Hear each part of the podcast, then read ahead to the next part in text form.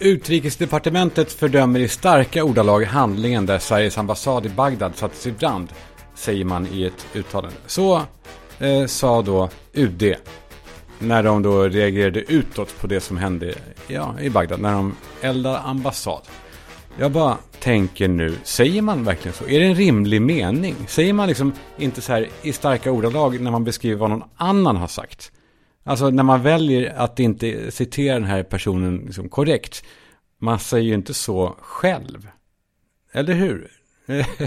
alltså, sen kan de ju hålla på med sina sådär kyliga grejer där de ska eh, säga starka saker med, med små ord. Visst blir det nästan larvigt ibland. Hur små ord de använder. Och liksom, när det, det händer liksom fasansfulla händelser. Och så här, Carl Bildt uttalar sig om ett massmord av eh, 8000 transsexuella diabetiker. Och han var, det är med stigande förvåning jag noterar att man gör på det här viset. Fan vad skönt det vore om de ändå sa något mänskligt. Alltså något sånt som alla, alla själva tänker och känner. Typ så här, hur fan kan man vilja bestraffa en sjukdom med döden? Och när de dessutom led av diabetes? Nej, det är så jävla äckligt. Här är generaldåligt. Tycker Carl Bildt. Nej, hörni, nu kör vi! Jag vill i alla fall i mycket starka ordalag säga välkomna. Jag är tillbaka i Stockholm efter, eh, eh, ja men alltså, efter Kalle Schumann-kaoset. Jag har gjort mitt bästa för barnen de här veckorna. Det har jag. Och de vet det. Men ändå så sitter man där på kvällarna och bara, vem är jag? Vem är jag? Vem, vem, vem fan är jag? Alltså det här sättet som jag har pågått, det är inte bra. Eh, till slut så tar till och med barnen ifrån sig, men snälla pappa, kan vi inte bara, kan vi inte bara chilla lite? Ja, så då har vi gjort det chillat, eller vi har superchillat. Jag har liksom, jag har liksom sagt till dem, hörni, gud vad vi chillar. så jag har gjort en grej av det. Nu chillar vi, nu chillar vi, nu chillar vi hörni, barn. Visst chillar vi nu? Chillar, ni chillar och jag chillar, det, nu chillar vi. Nu bara, ja vad vi chillar. Det Nej, fan, jag måste jobba med mig själv.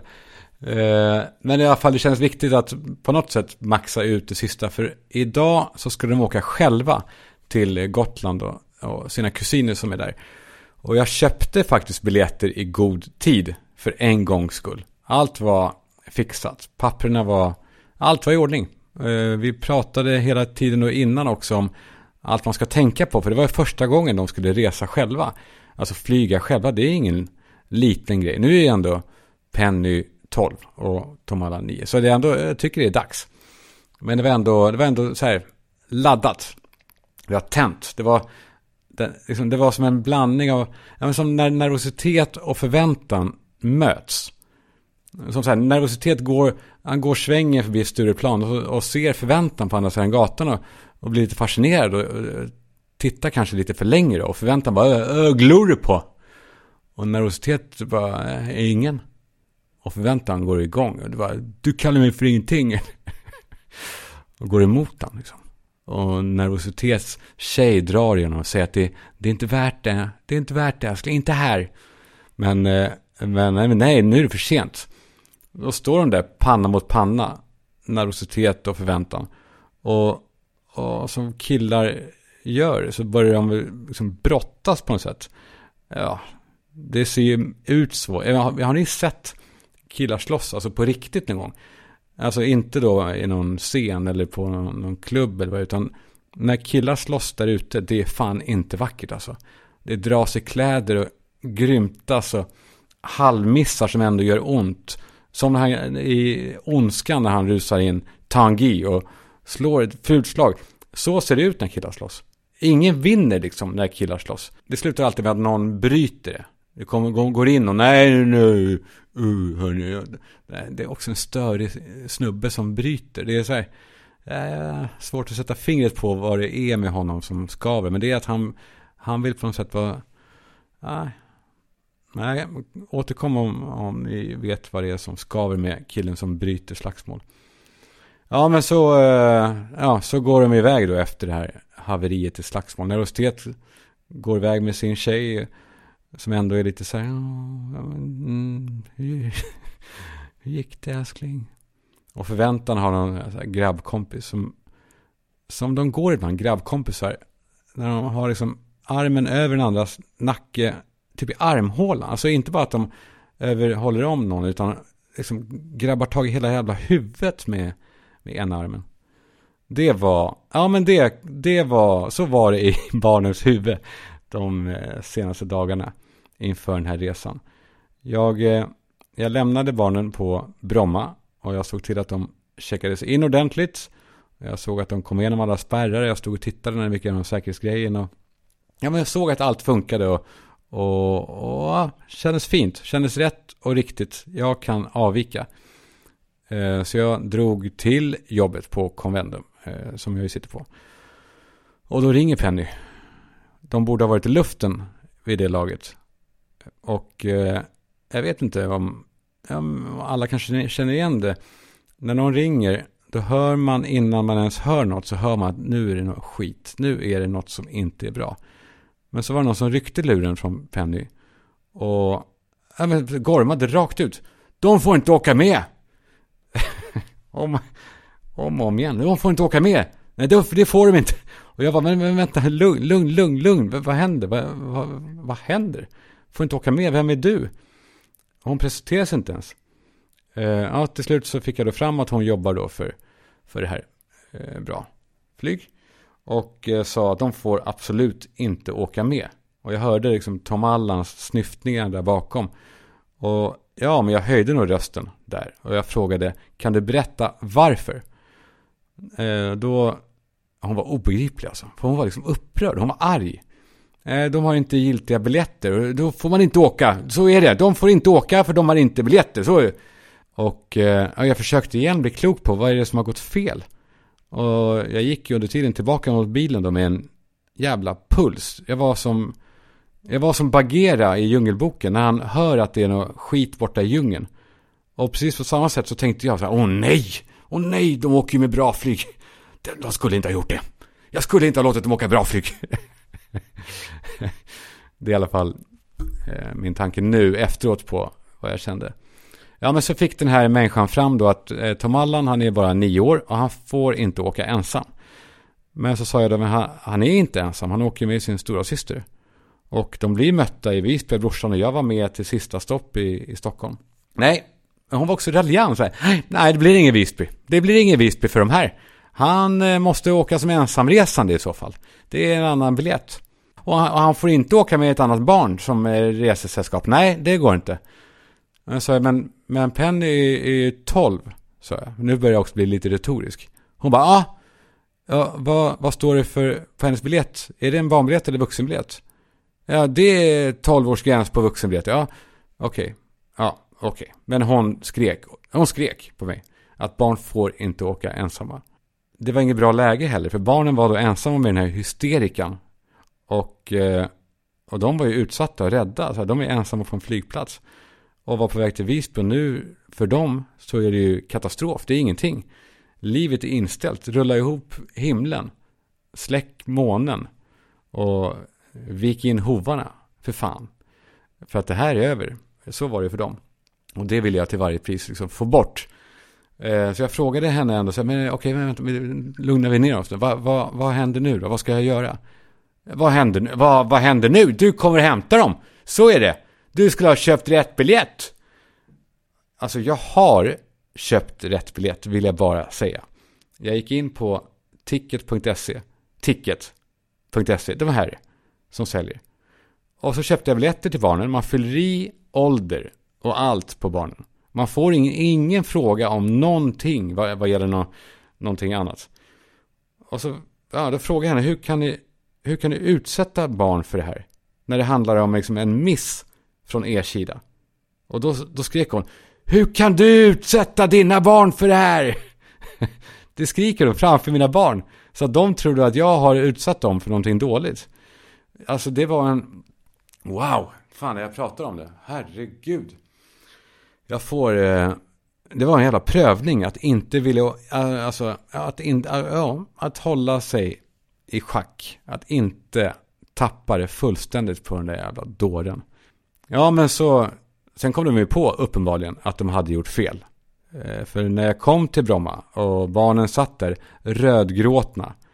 Då sa de här personalen, det här, ja det händer då och då det här på, med, med bra flyg. Det, ja, det, det händer då och då. Det, det är inte bra. Nej, det är inte bra. Jag vet, jag vet inte riktigt varför det blir det. Är nog, det är nog tjall i systemet. De berättade att det här är alltså tydligen då. Det, det kan hända när man åker med bra flyg. Ja, men de sa då ganska snabbt i alla fall att eh, nu är de ombokade till nästa flyg eh, om fyra timmar. Och uppenbarligen, det gick på en minut att fixa det då. Eh, och det var inte så här att jag skulle köpa en ny biljett. Nej, nej, de erkände ju då i praktiken att de hade gjort fel. För allting var ju då gratis och de var väldigt trevliga och så. Och jag ska inte använda den här podden till liksom personliga vendetter och så. Och jag säger inte att man ska avstå bra flyg. Men man ska vara väldigt försiktig. Man tycker man ska vara försiktig. Ska man... Nej, men sen är det ju så. Det är kul för så här flygintresserade konnässörer, konnässörer, konnässörer att åka, liksom, åka sådana här plan som... Nej, men det är ju riktiga rariteter. Alltså de köper in de här planen från bolag som väljer att förnya flottan och, kör med den här, den här nya jettekniken. Kör de här nya med. Men nej, turboprop ska det vara. Det, det har fungerat i hundra år. Det tycker vi på, det tycker vi på bra flyg. Hålla på med, hålla på med jet och sån skit va? Nej, nej, nej, i ett bra flyg, där ska man känna att man flyger. Det är lite våran grej. Man, man, man, man, man, man drar åt muttrarna då och då. Kaptenen han pissar brunt i ett bäcken på marshöjd som är väl det väl, ja, vi, vi brukar ligga i marscha på 700 meter ungefär. 265 km i timmen. Det det är maxfart på de här, eh, på de här, på de här kärrorna. Men kaptenen, eh, han säger inte kärrorna om eh, sina plan. Han säger det, det, här, det här är min stålkuk som ska ta oss till Visby. Det är den, det är den nivån. Flygvärdinnorna, de var, ja, men de var typ kompis med Astrid Lindgren. Och markpersonalen anställs bland, eh, jag tror de har hittat en, en pool i, alltså Wagner-soldater som får sparken för att de är för mjäkiga. Då, där går bra flyg in och, och rekryterar. Eh, de tycker de hade inget pannben i Wagnergruppen. Det, det, det, var inte bra nog va? Så, ja men då hittar de en bra balans här. Och på kontoret så sitter, eh, nej vet du fan. Det känns inte som att Braflyg har ett kontor. De har typ mer ett kansli. Det, det, det är den nivån. Hur som helst, eh, tack, bra flyg! Det skulle vara kul om eh, bokadirekt.se tog lite inspiration från, från de här. Jag tyckte det vore jävla kul att bara, nej vi ska inte nu gå framåt, vi ska testa att gå tillbaka lite. Alltså först av allt så skulle de kanske höja priserna på rubbet. Så att alla inte har råd att unna sig skönhet och hälsa. Och vad ska jag säga? Jo, man skulle man skulle begränsa sitt erbjudande så att allt inte är så liksom, satans smidigt. Alltså det, det, det skulle inte gå att boka precis vad man vill, när man vill och var man vill. Man, man kanske, man, man kanske, ja, man kanske bara kan boka en sak. Man kan bara boka ett kokstryk på Boka Direkt. Det räcker. Och kanske skulle de också gå offline helt och hållet och återinföra papper och penna och skråsamhälle, köra hela vägen. Papper och penna känns ändå lite väl liksom, digitalt. Alltså man skulle, med Boka Direkt så kan man boka ett kokstryk bara i Mjölby och man bokar genom att starta ett rykte som kanske till slut når den här kokstryksalongen. Och, och de tar det och så startar de ett svarsrykte om att man är välkommen när, när månen står i ny i, i mars månad 2025. Där har vi det. Tack bokadirekt.se. Det hände en grej som jag har ångest för på alla möjliga jävla sätt. Eller inte ångest har jag inte. Det där syndromet och alltid överdriva allt och göra det så jävla episkt alltid. Alltså, men alltså, jag har ångestens mamma. Jag har det är inte så farligt. Ångest. Man är, det där, man är trött på det där ordet. Alltså de som har ångest, man bara åh, gud vad tråkigt. Men så här, förra veckan så var vi på det här härligaste, jag berättade om det i förra veckans avsnitt. Ösjönäs, otrolig plats. Eh, som jag gärna hojtar om. Eh, så här lyxglamping slash eh, vandring och kanot och, och cykel och vandring. Allt man vill. Så är vandring också. Och så har de en otroligt härlig flytande vedeldad bastu. Som var, den var Kalle Schulman upp i dalen. Det var, den var helt perfekt. Och eh, så ska vi ta en bastu där vid solnedgången. Perfekt, vi väntade in den. Men så när vi kom så såg vi att det satt ett par där inne. Och det var ju så här, det var ju fan. Det var ju, det var ju själva fan. Men vi gick bort då en bit. Det var då jag, Sandra och, och pissbjörnarna. Och tänkte vi, vi får vänta lite då. Alltså, jag hade ju om jag var dem kanske raskat på lite. Om jag, om jag ser att, oj, där står Kalle Schumann. Och vill in. nej, nej, jag menar inte så. Men om det är någon som vill in så kan man kanske inte dra ut på det. I alla fall. Ja, men så eh, det här paret liksom, de bara, nej, de bara iggade oss totalt. De gick och badade och så gick de in igen och liksom myste, hade det härligt. Och eh, tiden gick. Och jag började mer och mer ja, frustrerad. Och så tills Penny då undrade, ska vi inte, ska vi inte köra en Anders på dem? Och jag sa att, fan, det kanske är lite väl. Men, men eh, Sandra höll med och sa att, eh, nej, det är fan läge nu. För hon ville verkligen basta. Anders, en Anders alltså. Eh, Anders är Sandras pappa. Som har då eh, förfinat den här och gjort den, ja, gjort den perfekt. Det går ut på det här då. Säg att man är ute med båten med familjen och så åker man till den vackraste liksom, viken som man vet. Och det, det är inte så många som vet om det där, så det brukar vara, det är nästan aldrig någon där. Men så är det upptaget. Det är, det är typ, det är, det är en jävla båtjävel. Man kan ligga två, men det är inte så kul. Man vill vara själv. Hallå? Och, eh, ja men, eh, då ser man till då, om man kör en Anders, att man ska agera som exakt en sån familj som man själv hatar. Och man gör det för att de andra då ska dra. Man får ju då tuna in på olika sätt. Man skränar, man skramlar med hinkar, man, man kan också plantera grejer inför senare som att man ska eh, man ska leka uggla vid midnatt. Man låter dem höra det. Äh, äh, ska vi leka uggla vid midnatt? Och så sätter man på liksom, musik. Inte övrig, inte för dåligt. Det ska inte, sti- ah, ah, ska inte vara uppenbart. Det ska vara liksom lagom. Och eh, ja, men man kanske också har lite tjafs. Alltså fejkat tjafs. Men, men på en lagom nivå så att det, blir, det sprider sig dålig stämning. Och så kör man på med det här tills de helt enkelt drar. För det gör de oftast. Och i bästa fall, om man har lyckats, då fattar de inte ens varför de drog. För man, man är så subtil att de andra, de vet, de vet inte. De bara eh, fick olust. Och eh, nej, men det är som det här man... Nej, nej. Man, jag tänkte säga att det är som när man kokar kräfter. Och man, man börjar med att de ligger i kallt vatten och så kokar man upp dem. Eh, och att, eh, jag, vet inte, eh, jag vet inte var det här kommer ifrån. Jag har aldrig gjort det. det väl ing, gör någon det? För jag har i bakhuvudet att, att man gör så, eller vissa gör så. Att för att de då ska dö smärtfria eller någonting. Fast, fast det låter tvärtom.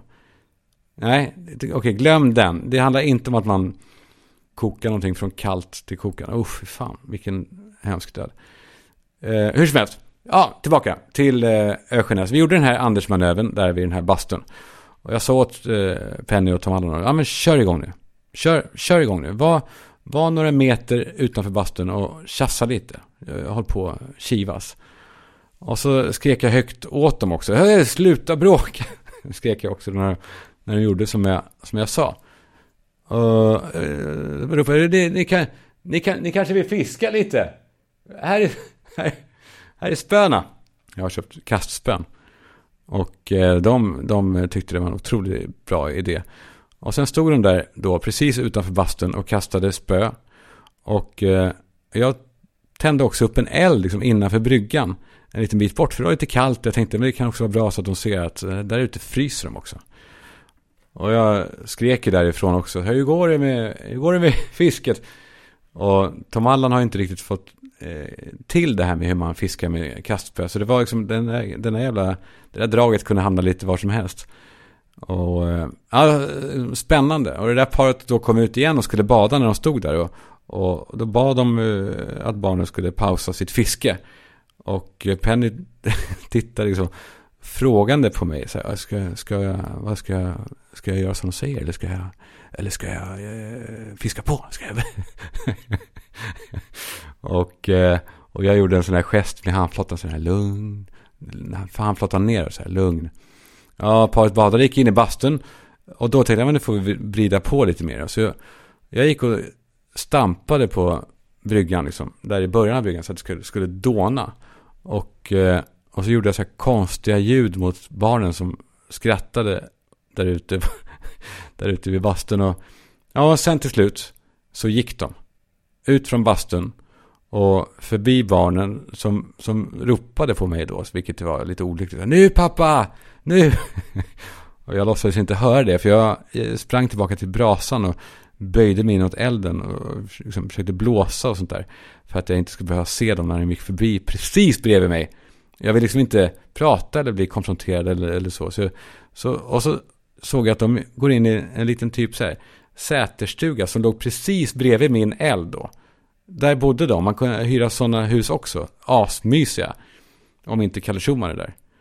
Ja, så hällde jag vatten på den här brasan jag hade, men, men eh, inte för mycket.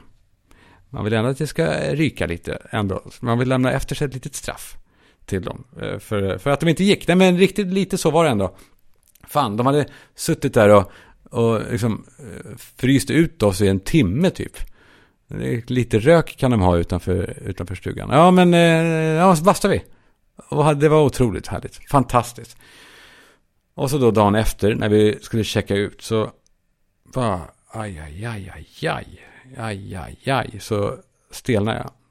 Jag såg att det var ett stort papper i receptionen där det stod bokning av vedeldad bastu. Och eh, då kvällen innan så, ja då hade de här, det här paret hade bokat den här. Jag visste inte det. Jag, jag skrek det till föreståndaren, vad fan ska man, ska man boka bastun? Och han, han bara, ja vadå? Och eh, ja, för fan, de hade alltså bokat bastun kvällen före. Jag räknade ut att vi kom efter ungefär tio minuter av deras två timmars bokning. Och förstörde allt. De måste tycka att vi är sådana fullständiga idioter och dårar. Jag vill be om ursäkt till er om, jag ska inte överskatta storleken av den här podden, men fan hörni. Jag visste inte att ni hade bokat. Hade, hade jag vetat att ni hade bokat, då hade jag då hade jag maxat på volymen redan från början. ja. ja, nej då.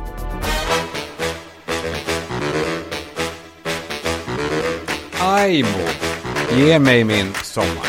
Och ge mig min dag. Ge mig min morgon är det va? Och sommar. Aimo ger mig allt. För nu finns också Aimo i Göteborg. Jag, jag ska inte göra det här mer invecklat än nödvändigt. Men att hyra bil på Aimo, det är det är som att gå runt liksom med ett jävla enormt livsvippkort på något sätt.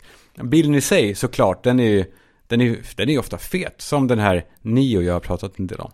Det är fortfarande, det är fortfarande den sjukaste bilen som jag har kört. Men hela den här grejen med att man bara glider in och ut i parkeringar och den här, den här jävla bommen bara bockar och niger och ställer sig in och man bara, ah, kommer jag, kommer jag med jag och, och eh, Ja, det, eh, man står ju där gratis i garaget. Eh, man bara, eh, här står jag gratis. Och man laddar det. Vad kostar laddningen? Gratis. Fråga, fråga snabbt, vad kostar laddaren? Gratis. Ja, då fattar ni. och när man vill bara, då har man bytt skepnad. Då är man about town. Då bara kliver man ur bilen i evighet. Aimo. Tack Aimo. Eh, jag testar just nu en, en Kia EV6. Inte så dum. Jag har varit en hel del ute på vägarna nu i sommar. Och eh, fan vad man pillar på alla reglage alltså när man har en ny bil. Sandra har ju inte varit med så mycket. Så jag har liksom kunnat pågå helt ostört. Om de inte säger något där bredvid när man försöker få till något med GPSen eller CarPlay så vad känner man här blicken. Man, man hör andningen när man, ja, när man kanske råkar köra lite på det här det här randiga väckarklockematerialet någon sekund. Det här... Det, det, det är gjort för att man ska vakna va? Det måste vara en sån grej. Man bara wow, wow, hej, hej jag är med, det är ingen fara.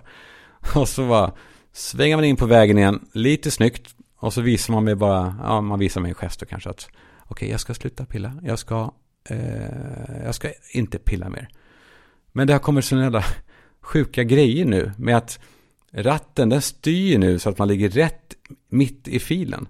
Så om man börjar dra sig åt sidan sådär, då bara mm, styr den tillbaka lite vänligt men bestämt, lite sexigt. Alltså utan att ens, det piper inte. Det, det är inte så här, hörru, skärp dig, utan man bara, den bara, mm, kompis, här ska du vara. och, så, och, så, och så sätter man på en farthållare på 127 på 110-väg. Brukar jag ändå ligga på. Det, eh, ja, men det är där man ligger. Det känns ändå lagom det är liksom försumbart. Jag tänker mig att det, nej men det där är inte fortkörning. Polisen, nej men jag tror att de tycker att det är är helt okej okay på något sätt. Alltså, de märker ju att man inte är någon fortkörare. Man är ingen jävla Audi-nolla som bara blåser på liksom. 127, där är perfekt. 128, ah, ah, något helt annat det. Då är det liksom, då är det plötsligt 130 och det liknar 150 ju. Och 127 det är liksom 125 som 120 som man jämnar ner till 100, 110, vilket är typ i praktiken 100. Och, eh, och med den här farthållaren så finns det ju också nu någon grej som håller så här snyggt avstånd till bilden framför. Som, ja men man kan, i princip så kan man ju vila lite då och då. Alltså lite snygg vila bara. Om, om det klipper i ögonen. Liksom. Man kan bara eh, i alla fall ta en liten, liten, liten mikropaus. Eh, och, och sova lite. Det är bara, det är bara ett problem med den där, med den där lilla jäveln. För att det sker så steglöst allting numera. När jag alltid... Nej men det sker så steglöst. Så man märker inte riktigt när man dras ner i tempo. Alltså man ligger i, eh, gör några snygga omkörningar, ligger i högerfilen. Eh, slappnar av lite, kanske, jag ska inte säga vilar, det får man inte göra. Man, får, man ska inte vila i bilen, hörni. För helvete. I bilen, då är det, då kör man. Det är aktivt. Eh, eh, vila i bilen. Herregud. Nej, man kör. Det är bara ett problem då när man ligger där i högerfilen och, och cruisar på. Och så är det någon jävla eh, snigel framför. Då märker man inte att man drar, dras ner i tempo. För den håller avstånd till den där. Så man tror att det jag, jag tuffar på 127. Och så plötsligt så bara kollar man på hastighetsmätaren. Och så ser man att man ligger och puttrar i 105. Bakom den där dåren. Man har blivit lurad. Hur länge? Jag vet inte. Jag vet inte.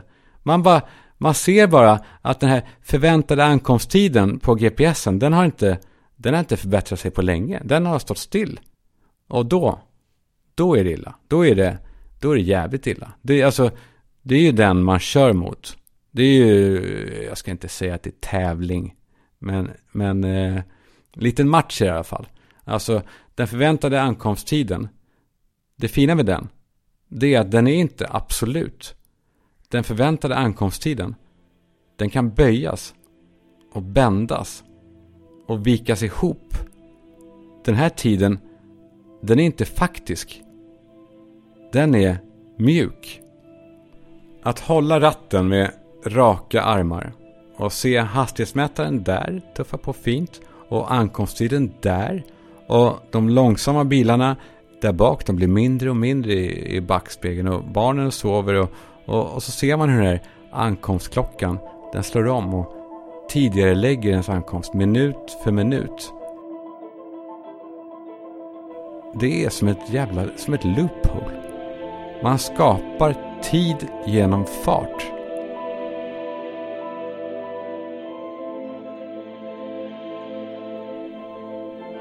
Och sen finns det ju de som jobbar emot det där. Alltså sådana här, såna här dårar där ute som tror att tiden liksom är, är vad den är. Eh, tiden, den, den är vad den är. Det, den, det är sekunder och det, klockan går. De, alltså det är så här, de som åker i 70 på 70-väg. Och så kommer en fartkamera på 70-vägen. Och då bromsar de ner till 60. Jag, jag vill skrika. Jag vill, jag vill, jag vill skrika. Men jag vill inte väcka barnen. Eller sådana som kör 60 på 70-väg. Och så kommer man till en by där det är 50. Och den här jävla dåren, han fortsätter i 60. Han är alltid fel ute. Eller hon. Eh, men ofta han faktiskt. Ofta äldre hanar i silvriga bilar. Hyundai, typ. Fem år gamla, välskötta så in i Norden.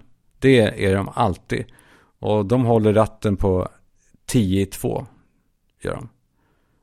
Och köpcentrumturrarna, de håller ratten klockan 12. De. En hand, klockan 12. Ned, nedböjda liksom, huvuden, liksom snett neråt. Så att de liksom de sneglar mot vägen och ser lite tuffa ut. Jag tror att de, de ser tuffa ut va? Ja. Suger in kinderna, ja. Ser coola ut, har keps. Mm, kommer jag och kör. Och kvart i tre, det håller man. Om man är som jag och vill, vill böja tiden. Med raka, ådriga armar. Ja. Ja. Man ser ibland. Ja, för fan. Man ser de här som jobbar i hemtjänsten. De kör mycket bil.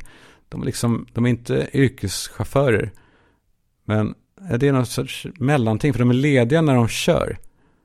Och där ser man ju på de här jävla bilarna hur, hur noga det sparas in på äldrevården. Folk håller på och gnäller om att gamlingarna får, får blöjorna vägda och att de får tråkig mat och så. Men alltså, kolla deras bilar, personalen, ska de åka runt i de här? Alltså, allt är obekväma jävla tider såklart. Alltså, söndag 07.30, då kommer de in på gatan, pyttesmå, typ Toyota Auri, Auris, heter den Auris? Ja, Auris. Extra utrustning, noll. inte, alltså ingenting extra har de här bilarna. Och de är röda eller jävla blå. Liksom fult. Bara en röd bil. Mm. Och så är de så här, något latinskt företagsnamn. Typ så här, Procentia äldrevård. Centurium Care kanske. eller så är det bara så här obegripligt. Så här, Mareba Vård AB. Som har vunnit en upphandling och och tjänar kanon. Ja, inte de som jobbar i, i bilen då, utan ägarna. Ni vet exakt vad jag menar. Och så, och så är det någon lapp i, i fönstret med någon sorglig landstingslogga om att de får parkera på P-förbud. Och så bara, ah, känner man då, det finns i alla fall någonting som, här, ja, en liten perk. Fast så tänker man, ja men de, alltså, man kan ju bara ana hur noga som de här milen räknas i den där bilen. Och hur, hur liksom, hur, hur nött är den nyckelknippan som går till den här bilen? Den är, fan den där bilen alltså. Iskall på vintern. Äckligt varm på sommaren. Det är inga mellanting. Och så eh, ja, men det ligger någon skräppåse där bak. För de har ju olika personal. För den, den där bilen går ju dygnet runt. Va? Det, är, det ligger en burk monster där. I deras tjänstebil. Tjänstebil. Det låter ändå. Alltså själva ordet är ju flott. Med den här personalen som, eh, ja fy fan, man ser dem. Jag får samma så här känsla som när jag själv blev så här samvetet tvingad hem och, och hjälpa pappa med, med hemska saker som inte barn borde kanske alltid behöva. Så här, ilska blandat med rädsla för att man ska komma upp och hitta en döing liksom. Ja, nej.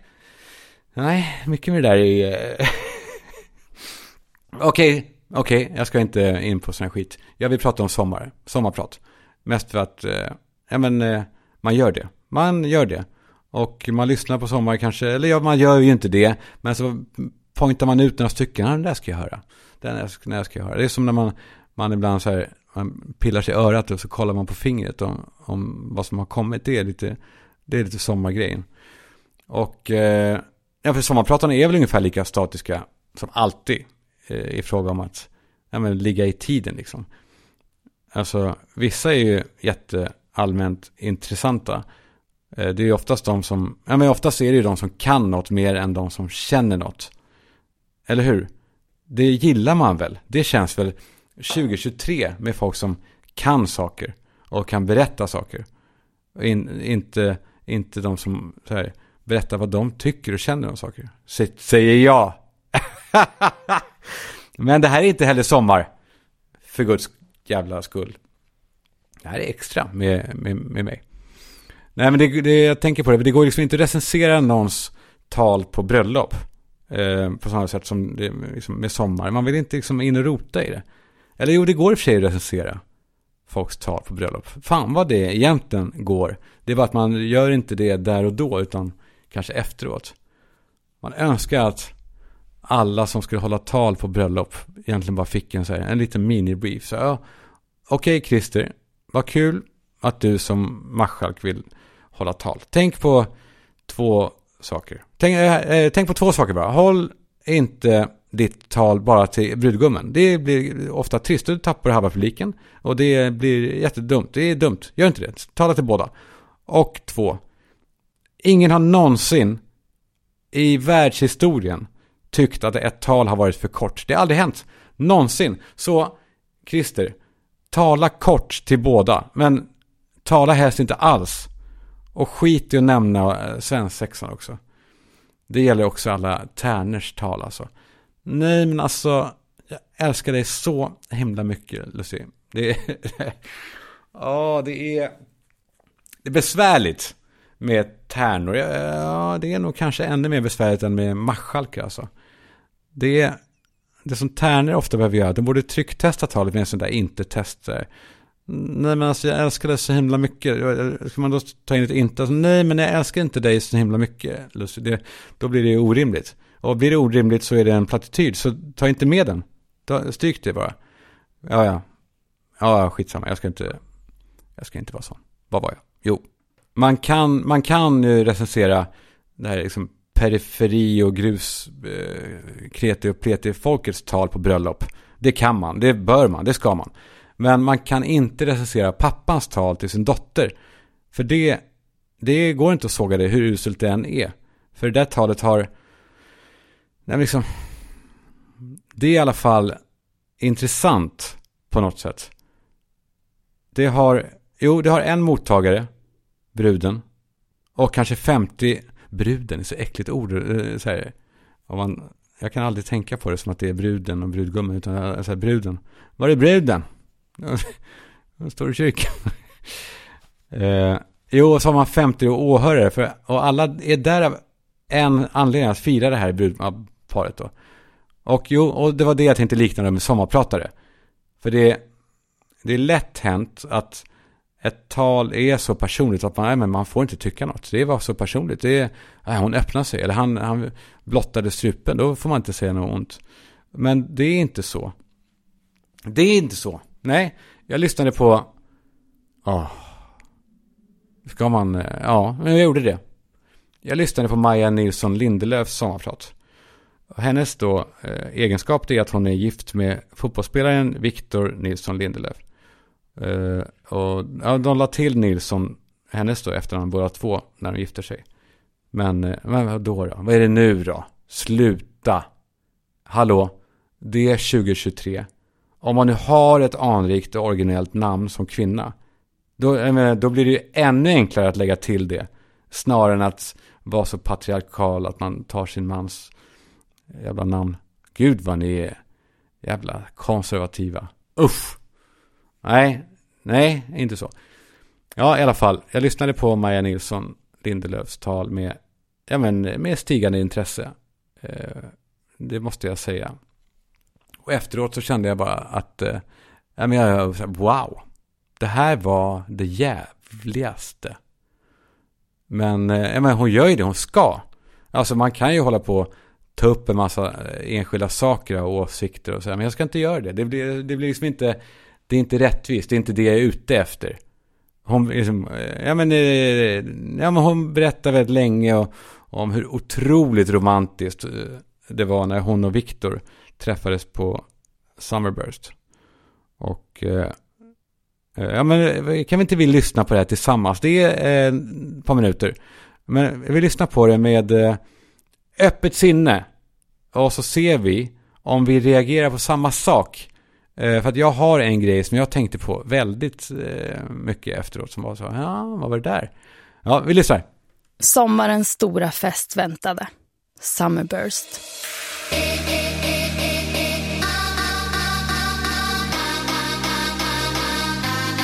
Solen glänste mot mitt glittriga hårband som jag av någon anledning hade i pannan likt ABBA på 80-talet och vi dansade till dunkande housemusik. Stockholmsstadion har aldrig varit så vacker. Med ett glas vitt vin i handen levde jag för första gången på vad som kändes en evighet. Inget mörker kunde nå mig här. Inte just nu. Det var eftermiddag och vi hade dansat sen lunch. Någonting i mig sa åt mig att vända mig om. Om det var vinet eller energier, det vet jag inte. Jag har än idag inget svar på det och jag vet inte vad som hade hänt om jag inte hade just vänt mig om. För där stod han. Med Ray-Bans på sitt rakade huvud, vit uppkavlad skjorta och en Heineken i handen. Min framtida man. Pappan till mina barn. Jag visste det där och då. Fast jag inte visste vad människan hette. Men där var han. Viktor. Han som kan dansa stod och gungade snyggt samtidigt som han tittade mig rakt in i ögonen. Jag hade aldrig sett någonting vackrare. Hur jag såg ut har jag ingen aning om. Förmodligen inte alls så sexig som jag kände mig. Solen hade aldrig lyst så starkt och housemusik hade aldrig låtit så bra. Mina vänner stod och dansade med ett gäng killar utan att fatta att jag var som i trans. Hur länge stod vi så där? Fem minuter? En kvart? Jag har ingen aning. Vi stod bara och tittade på varandra innan jag i ögonvrån såg en annan kille närma sig honom. Rör du, dör du, tänkte jag. Men hans kompis behövde uppenbarligen gå till bajamajorna och Viktor var den väl utvalda vännen som skulle följa med som sällskap. För varje steg han tog tittade han tillbaka på mig. Väl uppe på läktaren, precis innan han försvann ner mot toaletterna, vände han sig rakt emot mig. Som att han också sög in de sista sekunderna. Ja, det är... Ja, oh. Alltså man fattar att det säkert var starka känslor där och då. Men, men att sitta och lyssna på det här. För grejen är att de har ju tillgång till, eller tillgång till, de, varje sommarprat har en producent, en rutinerad räv, en berättarexpert som, som ska hjälpa dem. Skulle inte den här då producenten kunna ha sagt typ så här, ja, men, jättebra Maja, det är skitbra, eh, i stort så är det grymt, men att vi kanske ska försöka hitta, no, eh, prata om någonting, ja, vi kanske pratar om något annat, eller skriva om det här kanske. Uh, uh, nej, nej. Nej, men då så. Då, vi kör på ditt. Vi kör på det du vill. men, det jag ville komma fram till, framför allt. Killar går väl inte på toa samtidigt? Eller? Alltså, om någon kommer fram till mig och ber mig följa med till toa. Då är det antingen så är det bögerier på gång. Eller så är det, eller så är det dags för extra festligt. Liksom. Och jag tänker mig hur Viktor såg ut när han hörde det här sommarpratet. Hur han liksom satte ansiktet i händerna. Åh, nu, åh, nej, Maja, fan inte den grejen, det var ju dumt. Eller inte, det är jag bara spekulerar. Alltså, bara. Det är alltså det är, de är, det är bra personer. Och så. Alltså, eh, för det jag, ver- så här, okay, det jag verkligen vill komma åt i förlängningen, det är, alltså, att Maja Nilsson Lindelöfs sommarprat, det är kanske piken i samtiden på något sätt. Alltså piken i sociala medier i Sverige. Sommar i P1. Alltså bland de mest värdefulla timmarna som finns i public service. Så berättar då en tjej i egenskap av gift med en fotbollsspelare hur magnetisk han var när de, när de drack vin på Sunburst. Det, alltså, och det är inte Majas fel. Hon, hon tackar och tar emot Vem skulle inte göra det? Hon fick ju prata om sitt klädmärke och berätta väldigt tydligt vad det heter och hur bra det är. Det heter, vad det heter, ja, det berättar hon. Det heter Lissabon på latin. Lisbonnes.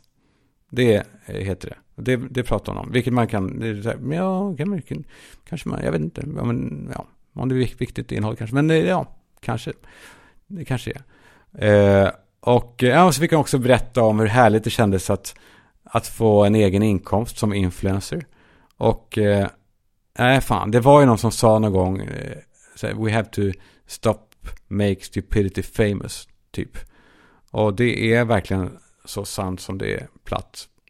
Men eh, för jag menar inte att hon är dum, men den här kulturen att lyfta fram eh, liksom freak-exempel och låta folk och unga tjejer då inspireras av det.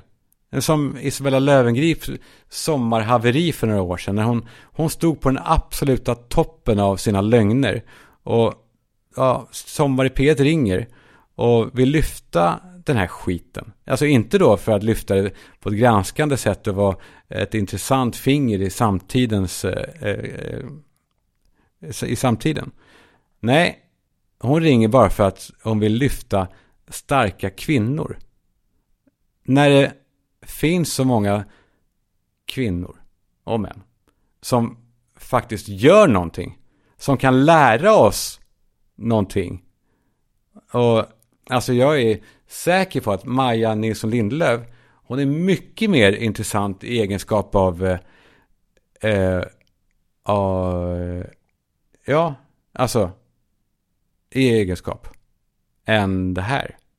Det tycker jag. Och nu, nu ska jag vika in hovarna. Inte för gott. Jag är tillbaka om en vecka. Jag älskar att göra det här tillsammans med er. Och fortsätt lyssna. Fortsätt sprida ordet om extra. Så blir jag glad. Eh, så tänkte jag att vi kanske kan utveckla det här till hösten. På lite olika sätt. Eh, kom också gärna med fler tips på grejer killar gör. Jag har ett gäng jag samlar ihop så att det blir fler i nästa avsnitt. Okej, okay, tack för mig. Hej, hej, nej. Hej. Sometimes you wanna go where everybody knows your name. And they're always glad you came. You wanna be where you can see. Our troubles are all